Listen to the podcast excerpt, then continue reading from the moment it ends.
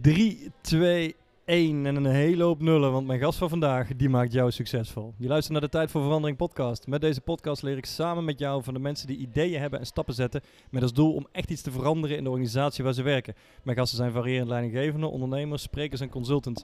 En mijn gast van vandaag is Alex. Alex, welkom. Dankjewel. Ehm, ik doe je uiteraard een beetje te kort door alleen over die nullen te beginnen, want het gaat niet alleen om geld. Eh, je doet een hoop dingen, van consultancy tot podcasts. Eerste vraag, wa- wat motiveert jou om dit allemaal te doen? Welk gedeelte? ja, alles, alles, alles, in mijn leven. Het ondernemen, zullen we daar eens mee beginnen? Eh, nieuwsgierigheid. eh, ontdekken. Eh, van nature uit heel erg nieuwsgierig. En vroeger toen ik jong was, werd ik maar vervelend gevonden. Altijd bij de hand. Nu, nu niet meer natuurlijk. Ja, sommige kringen, maar ja, daar probeer ik weg te blijven. Ja, dus altijd, denken hoe dingen anders kunnen, wat wel mogelijk is. Ja, en, toen ik jonger was, was het vooral van... Doe niet zo eigenwijs en wat heb je veel praatjes. Dus eh, dat is eigenlijk de hoofddrijfveer. En vooral nu veel nieuwsgierigheid. Ja, cool. Even wat, wat betreft praatjes. Ehm, wij wilden elkaar al langer spreken. Ja. We, we moesten agendas naast elkaar leggen. We zitten nu ook even in de horecagelegenheid om eh, toch eens een keer echt eh, bij elkaar te kunnen zitten. In ieder geval dit eerste gesprek te kunnen voeren. Ja. Dus beste luisteraar, mocht je iets op de achtergrond horen, dan weet je wat dat, eh, wat dat is. Ehm, maar vertel eens, wat, wat, doe je allemaal? Je bent al volgens mij al geruime tijd bezig met begeleiden van ondernemers. Klopt, ja. Ehm, en je hebt wel iets met het succesvol maken van mensen, toch? Ja, zeker. Maar eh, we hebben het ook over veranderingen. Ja. Dus dat is waar ik in ben begonnen. In 2011 ben ik begonnen als ondernemer. Ja. In de financiële, ja, financiële sector.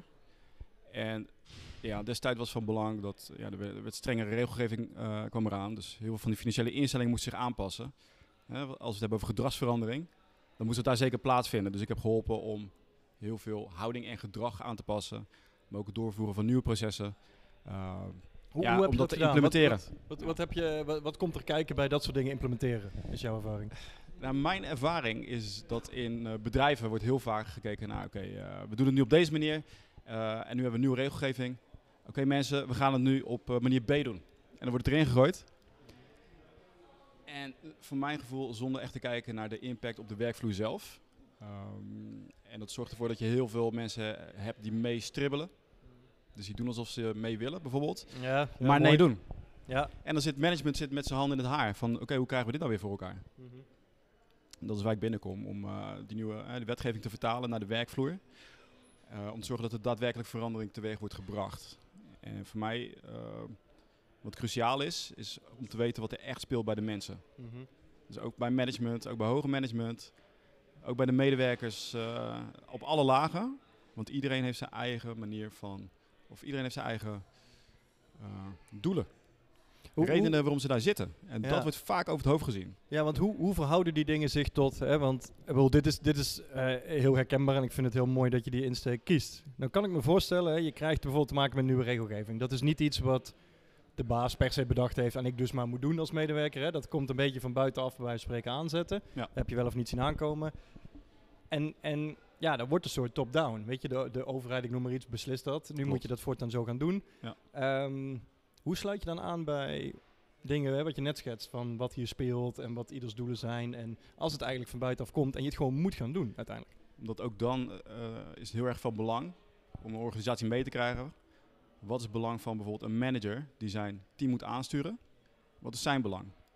En dat kan zijn dat hij zegt van nou, ik wil een eh, heel mooi team aansturen, maar het kan ook zijn ik wil promotie maken. Sommige managers zitten er al 20 jaar. En het enige belang wat ze hebben is, ik wil mijn positie veiligstellen. En als deze nieuwe regelgeving wordt doorgevoerd, komt mijn positie in gevaar. Want misschien wordt er gedownsized en moet ik weg. Dat soort mensen kunnen misschien onbewust gaan tegenwerken als je dat niet in kaart hebt. Dus een van de dingen die ik doe is met iedereen in gesprek gaan en exact te achterhalen wat is het belang van die persoon die daar zit. En dat doe je niet door heel simpelweg even te zitten en die vraag te stellen. Je moet echt tot de kern gaan en de waarom-vraag keer op keer stellen. En dan kom je, hè, je hebt, de ene persoon is gewoon een, eh, een ouder die part-time werkt. En je zegt, nou, ik vind die wel best. Maar er is heel veel angst in organisaties. En dat probeer ik boven water te krijgen. En dat gaat ook zo goed met die, eh, ja, de interviews die ik doe, doe ik dat ook. Hè? Van, ik ga heel diep. Ik ben er ook, niet bang voor. Ik merk dat heel veel mensen bang zijn om echt heel diep te gaan met de dieptevragen. Want Mhm. oh jee, wat komt er dan weer uit? Is dat dat nieuwsgierig ook? Heb je Het dat zo is- doorverteld? Ja, het is nieuwsgierigheid voor mij. Wat, wat, wat zorgt ervoor dat iemand echt, eh, ja, hoe iemand van binnen werkt. Ja, want is dat, hè, dat vraag ik altijd aan mensen, want ook wat je, wat je nu schetst vind ik al een, een hele mooie. En, en ik denk dat dat iets is wat je dus van nature aanpakt zoals je het aanpakt. Hè? De waarom-vraag stellen, de nieuwsgierigheid. Allemaal aangeleerd. Ja, ja, maar dat is dus de vraag. Hè? Van wat, wat kun je nou als tip aan mensen meegeven? En los van jouw inhuren om dat soort dingen te doen. Maar wat, wat zouden mensen nou voor je gevoel zelf moeten ontwikkelen aan soft skills, aan vaardigheden, aan kennis. Om op die manier naar een veranderproces te gaan kijken? Voor een manager of, of hogere directie, wees je bewust van de gevoelens, de waarden, normen van mensen om je heen. Het is geen eenheidsworst. Hè? De groep. Ik hoor ook vaak zeggen, de poppetjes moeten we verplaatsen. De mannetjes. De medewerker. De medewerker. Oh, die gaan we wel even dat laten doen. Het zijn allemaal mensen die onderling heel veel machtsverhoudingen hebben. Het is net als op, op de basisschool. Voor mij hadden we het een stukje over gehad. Hè? Van, eh, je hebt de bullies op de basisschool. Ja, Je hebt de populaire mensen heb je op de basisschool. Uh, dus je hebt heel veel verhoudingen. Dat is op, de- in- op kantoor of in een bedrijf exact hetzelfde. Je hebt de haantjes die willen macht hebben. Je hebt de mensen die wel meegaan en eigenlijk al- alleen maar bang zijn om een baan te verliezen. Dit moet je allemaal in kaart brengen. Dit moet je weten van je medewerker. Voor mij is het, ik heb het allemaal aangeleerd. Uh, ik heb heel veel gelezen. Uh, toegepast ook vooral. Is er, is er een model, een boek, een iets wat jij gebruikt als een standaard indeling? Uh, natuurlijke nieuwsgierigheid. Echt luisteren. Dus niet de vraag stellen en dan alvast gaan bedenken wat je zelf al wil zeggen. Maar echt de vraag stellen. Oké, je zit hier nu op deze plek. Wat zijn, jouw, wat zijn jouw dromen? Wat wil je graag bereiken? En als je dan geen antwoord krijgt, of een sociaal gewenst antwoord. Dan zeg je, nou leuk, leuk dat je dit nu allemaal zegt. Maar uh, je zit nu al twee jaar op dit, uh, of nou, twee jaar valt nog wel mee. Maar voor mij hè, is dat heel lang. Zo twee jaar. Oh, Lang leven ondernemen. Jezus, ja. Je zit hier al een, een, een, paar jaar. Van wat, zijn nou, wat wil je nou in de toekomst bereiken? En als daar bijvoorbeeld uitkomt van, ja, ik weet het eigenlijk niet, ik zit hier wel best. Dan ga je doorvragen, oké, okay, hoe komt dat dan? Het kan best zijn dat daar een of andere angst bij zit, hè? Die je boven moet halen. Van, oh ja, ik ben niet goed genoeg. Zou kunnen, hè? Heel veel mensen hebben dat. Ik, uh, ik, ik kom tot schaal 7, ja, hoger. Moet je veel meer werken, veel meer verantwoordelijkheden. Mm. Dat durf ik niet, ik zit hier wel best. En uh, ja, ik zie wel wat er op me afkomt. Mm. Dit zijn de mensen die kan je, als ze ervoor openstaan, empoweren om te zorgen dat zij zelf veel meer gaan doen om hoger op te komen. Of misschien een zijwaartse beweging te maken. Mm. Maar dan moet je op doorvragen. Van, oké, okay, ja. Dus je gaat hier blijven zitten, net zolang tot, uh, tot wij zeggen van ga maar ergens anders heen. Ja, ik vind het wel mooi dat je dit dat je hem zo invult. Want het kan heel snel een vrij negatief verhaal worden. Hè? Van oh, mensen willen niet en ze zitten wel best en dit en dat. Maar wat, wat ik kan niet zo van het woord maar, maar hier kun je wel een mooie uh, breuk maken in hoe je er tegenaan kijkt. Namelijk. Als dan toch zo'n regelgeving bijvoorbeeld op je pad komt, waar we het net over hadden, dan, dan moet er iets veranderen. Als je daar dan toch het gesprek over gaat hebben, dan kun je net zo goed zeggen, oké, okay, wat kunnen we dan nog meer meenemen? Hè? Wat betekent dat voor jouw functie? En is dit niet misschien de uitgelezen kans om eens wat meer uit jezelf of uit je functie of zoiets te halen? Ja. Hè? Dus bijvoorbeeld empower om een bepaalde beweging te maken. Als mensen de mogelijkheden zien die ze, uh, wat mogelijk is, hè? als ze denken van, oh, goh, ik kan het eigenlijk wel. Waarom kan ik het eigenlijk niet? Maar dit gaat heel onbewust. Mensen die denken dan van, oké, ik zit hier op, dit op deze baan, uh, ik krijg goed betaald. En andere mensen om zeggen, oh, je bent echt succesvol dat je op deze positie zit. Die dagen zichzelf niet meer uit om verder te gaan, om, ja, voor expansie. Als je dat kan triggeren bij mensen en bijvoorbeeld een nieuwe uh, wetgeving ervoor kan zorgen dat zij bepaalde unieke skills kunnen toepassen, dan gaan ze aan. Wat, wat, heb, je hebt het bij mensen en bij organisaties gedaan, zeg maar. Wat heb jij zien gebeuren bij mensen? Dat, dat misschien zonder namen te noemen en zo, maar wat, wat heb je zelf gezien, hoe mensen tot leven komen dan? Uh, bijvoorbeeld zat ik op een, uh, ik had een afdeling van, uh, van, van assistentes. En die waren alleen maar bezig met targets. Van oké, okay, dit moet af. we hebben een mega werkvoorraad. De teamleider die daar toen zat, die zei alleen maar, jullie, jullie, moeten dit voor elkaar krijgen. Dus heel veel frustratie, heel veel stress op die afdeling. Als ze binnenkwamen ze al met 10-0 achter. Je kon niet winnen. Ik ben toen met al die, het waren allemaal dames, ben ik in gesprek gegaan van... Wanneer ben jij nou blij aan het eind van de dag? keek ze me allemaal zo verbaasd aan. Het was individueel, hè? Blij? Wat hoe bedoel je? Wanneer ben jij nou blij aan het einde van deze dag? Nou, dan ga je doorvragen. Nou, hadden ze eigenlijk niet. Niet eens over nagedacht zelfs. Hè? Dus het was niet eens in de visie van. Wat nou als, en er kwamen een aantal voorbeelden. Als je dit voor een klant had kunnen doen of iets op hun eigen agenda. Van nou, ik wil wel mijn skills verbreden. Ik wil tijdens een gesprek wil ik meer, uh, meerdere facetten wil ik ontwikkelen. En aan het eind van die dag ja, ik heb nog steeds al die andere werkzaamheden. Maar als ik die drie dingen voor elkaar heb, ben ik blij. En dat scheelde echt heel veel. Dus je gelijk heel dat team eh, werd omhoog gelift. Ik heb, dat, ik heb nog meer gedaan, weet je, een aantal processen aangepast, waardoor de werkzaamheden veel makkelijker gingen. Vaak als je iemand hebt die van buiten kijkt, die kan met een paar kleine wijzigingen en het proces loopt super soepel. Maar omdat ze zichzelf, aan zichzelf konden werken, vonden ze het ook leuker om het team hoger te brengen. Dus het was niet alleen maar van je komt op je werk en je zit gelijk in, eh, in zak en as. Eigenlijk, zoals het was. En dat vind ik gaaf. Die mensen gaan dan aan. En ik geloof dat iedereen dat wel heeft. Alleen je moet goed zoeken. Heel veel mensen geven dat die prijs hoor, in het begin. Mm. Weinig vertrouwen. Denk van, oh, weer zo'n manager of, of eh, met, met zijn mooie praatjes. Ja, ja, ja. ja, want hoe, want dit vraagt ook iets van leiderschap. Dit vraagt, kijk, als je in het scenario wat je net schetst, hè, dus dat jij als externe wordt ingehuurd bijvoorbeeld, dat vraagt het al. Dan moet je nog je mensen laten ondervragen, noem ik hem even, hè, laten spreken. Ehm, en dan moet je ook nog daarna zeggen van, oké, dan gaan we ook iets doen met die uitkomsten, zeg maar. Ja. Is dat, is dat een kwestie van doen? Kun je daar mensen nog tips in geven van hoe, hoe creëer je die open houding? De, Als ten opzichte van, eh, ja, echt luisteren. Echt luisteren, zoals je nog nooit hebt geluisterd. Echt. De personen erkennen die er zitten. Maak gebruik van de capaciteiten van de mensen die ze zelf al hebben. Gebeurt bijna niet. Wat kun jij nou goed? Waar ben jij nou goed? Wat vind jij nou leuk? Eh, ik zie het als een soort, ehm, het wordt gezien als een soort damspel op de werkvloer. Maak er een schaakspel van. Weet je, de ene die, eh, het was, eh, ben ik even de pionnen kwijt, het paard. Ja. Weet je, die hebben andere skills Ja, dan de loper. Als je dat gaat inzetten, dan ga je heel veel winst mee behalen. Want mensen vinden het leuk om te doen waar ze goed in zijn. Die hebben misschien geen zin om al die regelgeving aan te passen bijvoorbeeld. Want het is allemaal... Je moet opeens heel bewust worden. Mhm. Je liever doe je alles eh, zoals je al deed, onbewust. Maar als je mensen aan wil krijgen, luister naar wat zij goed kunnen. En als zij het niet willen zeggen, ga je net zo lang door tot ze, het wel, Ja, want ze daar openheid aan geven. Ja, want dat lijkt, me, dat lijkt me de grote uitdaging. Stel, je bent manager en je, en je weet dit eigenlijk wel. Je weet dat je eh, vastzit in, nou, even met een grove woord vastzit, maar je hebt wel door van, joh, ik krijg ze niet aan en, en het is voor sommige mensen te veel. Maar ja, je hebt ook je taken, zeg maar. Je hebt misschien van nature niet zo de neiging om dit soort dingen te vragen. Hè. Dat voelt dan te soft of weet ik wat het voelt, zeg maar. En hoe ontwikkel je dan die houding? Hoe, hoe ontwikkel je de, de behoefte en, en de nieuwsgierigheid? Wat zijn je eerste vragen die je stelt? Vaak, Ook- bij, vaak bij management, Mm, want ik doe het ook met management zelf, hè, of Ja. met directie. Tijdens een gesprek wordt al duidelijk van ja, inderdaad, van, ik zit eigenlijk inderdaad ook op de automatische piloot. Hm. Want het geldt voor iedereen. Hè. Het is niet alleen maar voor de medewerker, Ja, voor de managers ook. Op de automatische piloot, ja, ik ging naar schaal eh 7, 8, 9, 10, 11 en nu wil ik later, eh, wil ik straks dat gaan doen. Mm, Maar waarom wil je dat eigenlijk? mm. Gewoon uit nieuwsgierigheid en niet waarom wil je dat eigenlijk. Maar hey, vertel, wat, wat, wat zijn je ambities? Ja. Goh, en eh, hoe, ben je zo hoe ben je hier gekomen? Mm. Ja, is dat intrinsiek? Is het extrinsiek? Kan ook. Mm. En als je dat gesprek aangaat, worden mensen gehoord. Mhm. En die is heel belangrijk. Ja, en dan eh, is het dan zo dat omdat jij dat gesprek met ze voert, dat ze ook het gevoel hebben van, hey, dit soort gesprekken, dat, dat ik merk ineens aan mezelf dat ik dingen ga vertellen, hey, dat zou te gek zijn als mijn medewerkers dat ook gaan doen. Bijvoorbeeld zo'n zo'n voorbeeldgedrag, spiegelachtig iets. Ehm, hoe bedoel je dat? Nou, dus jij komt bij een manager, Ja. jij hebt dit gesprek met ze. Joh, Mhm. waarom wil je dat eigenlijk? Waarom deze verandering? Waarom dit?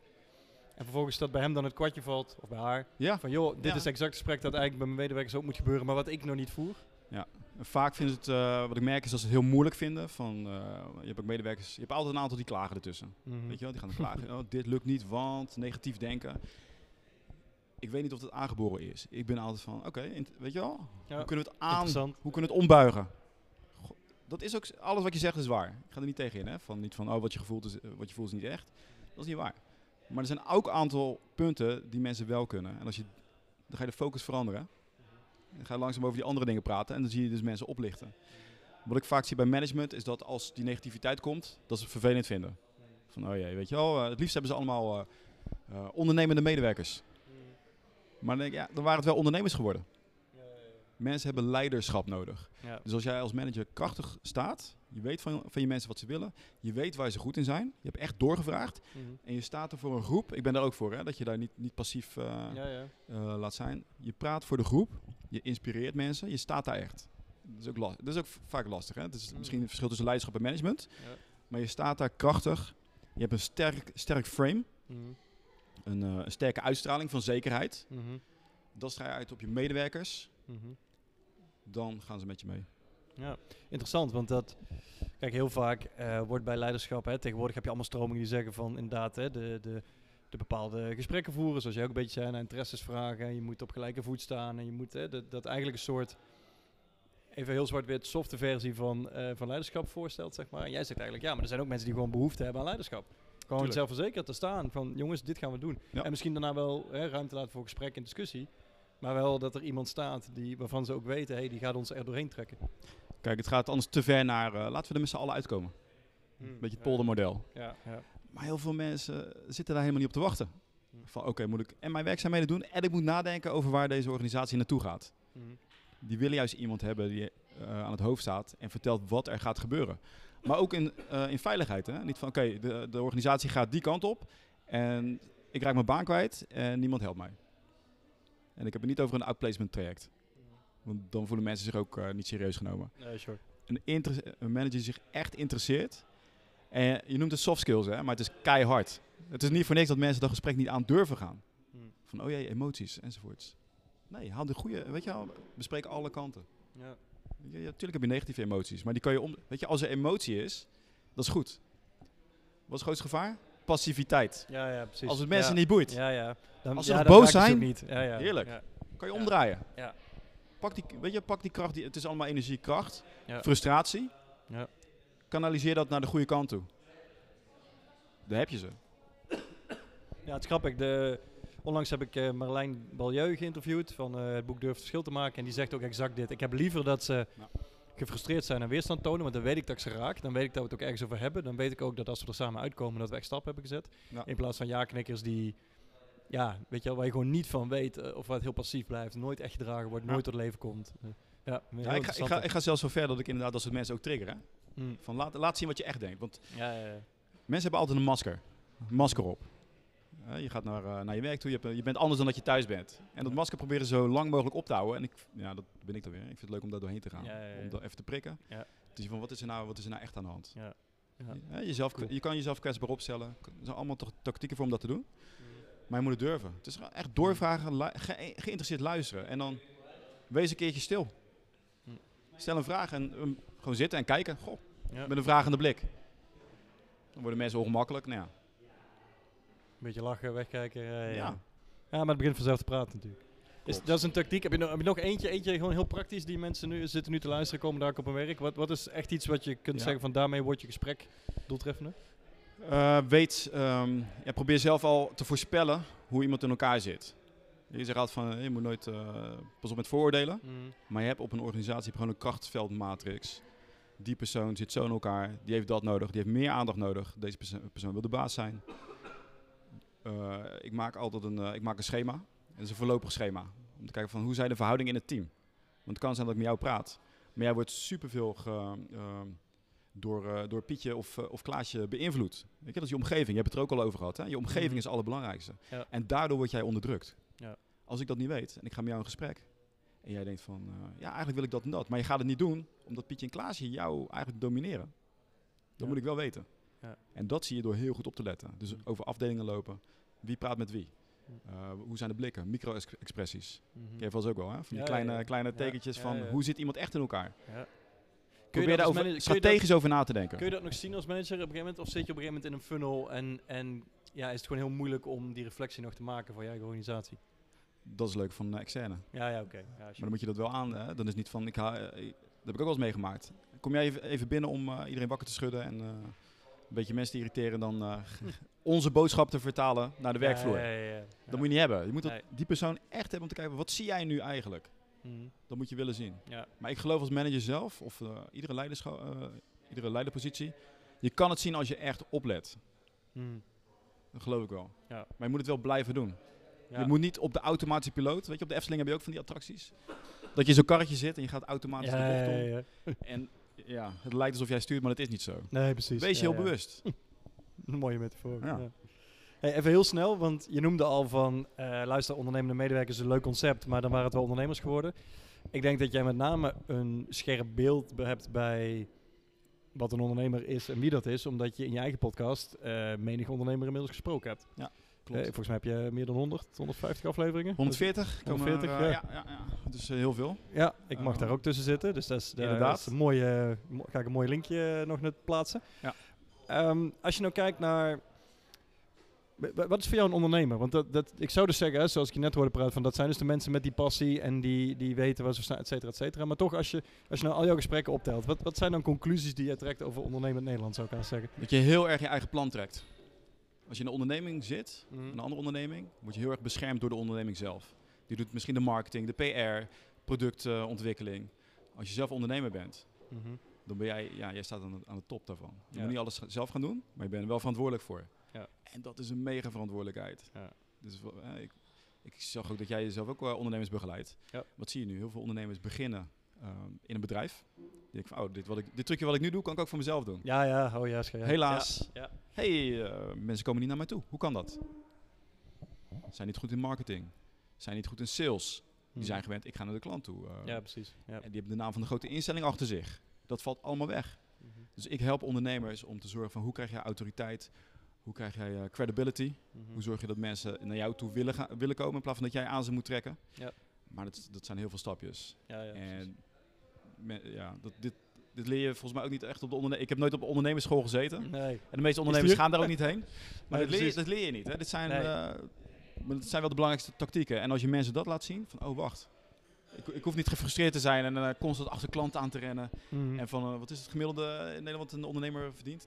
30.000 of zo? Ja. Zelfstandige? Ja. Dat is echt heel triest. Ja. Dus die gaan allemaal failliet, weet je wel. En dan is het een leuk verhaal van, ik word ondernemer. Nou, ik laat al de visitekaartjes drukken, ik heb een website. Ja. En eh, na een jaar is het geld op van het UWV. Komt de gouden handdruk eens op. en dan zie je ze weer langzaam eh, Ja. gaan beginnen. Ik heb dit zelf ook gedaan, hè? Een paar jaar geleden. Dat ging ook mis. Ja, ging het de ja, eerste keer mis? ja. Als, ehm, eh, ging, dacht nou weet je wat, ik ga me voor mezelf als hypotheekadviseur aan de slag. Mhm. Maar ik had een andere insteek met eh, eh, betere tarieven onderhandelen. Maar toen kwam ik daar dus voor het eerst tegen. Dat was 2011. Toen dacht ik, dit moet anders. Dus ik ben Mhm. ook heel erg gaan... eh, ja, de, de, de grote marketing gurus uit Amerika. Ja, hè, Tony, ja. Tony Robbins bijvoorbeeld. ja. Maar ook een Jay Abraham, eh, Dan Kennedy. Ja. De, de grote gurus uit Amerika gaan bestuderen. Ik heb hun courses eh, genomen. Om te kijken van nou, hoe, hoe ga je dit beter doen? Toch weer de nieuwsgierigheid. Ja. Ja, tuurlijk. Maar ik ben altijd op zoek naar opties. Dus dat, dat houdt niet op. Zou, je de- zou je dat misschien, misschien als een beetje een afsluitende tip, hè, maar... Kijk, nieuwsgierigheid, ja, daar heb je wel of niet. Maar ehm, wa- wat zou jouw tip zijn? Blij- blijf leren, blijf lezen, blijf aan jezelf werken. Wat, wat is de algemene tip voor al deze mensen, zeg maar? Zorg ervoor, zorg ervoor dat je met mensen praat die niet in jouw omgeving thuis horen. Hm. Want je gaat waarschijnlijk om met dezelfde vrienden, dezelfde familie, dezelfde werk. Ja, mooi. Je krijgt alleen maar ehm positieve feedback om je heen van wat je al doet is Ja, goed. allemaal bevestiging. Ja. Alleen maar bevestiging. Ga een keer met totaal andere mensen praten. Ga praten met mensen waar je niet mee eens bent.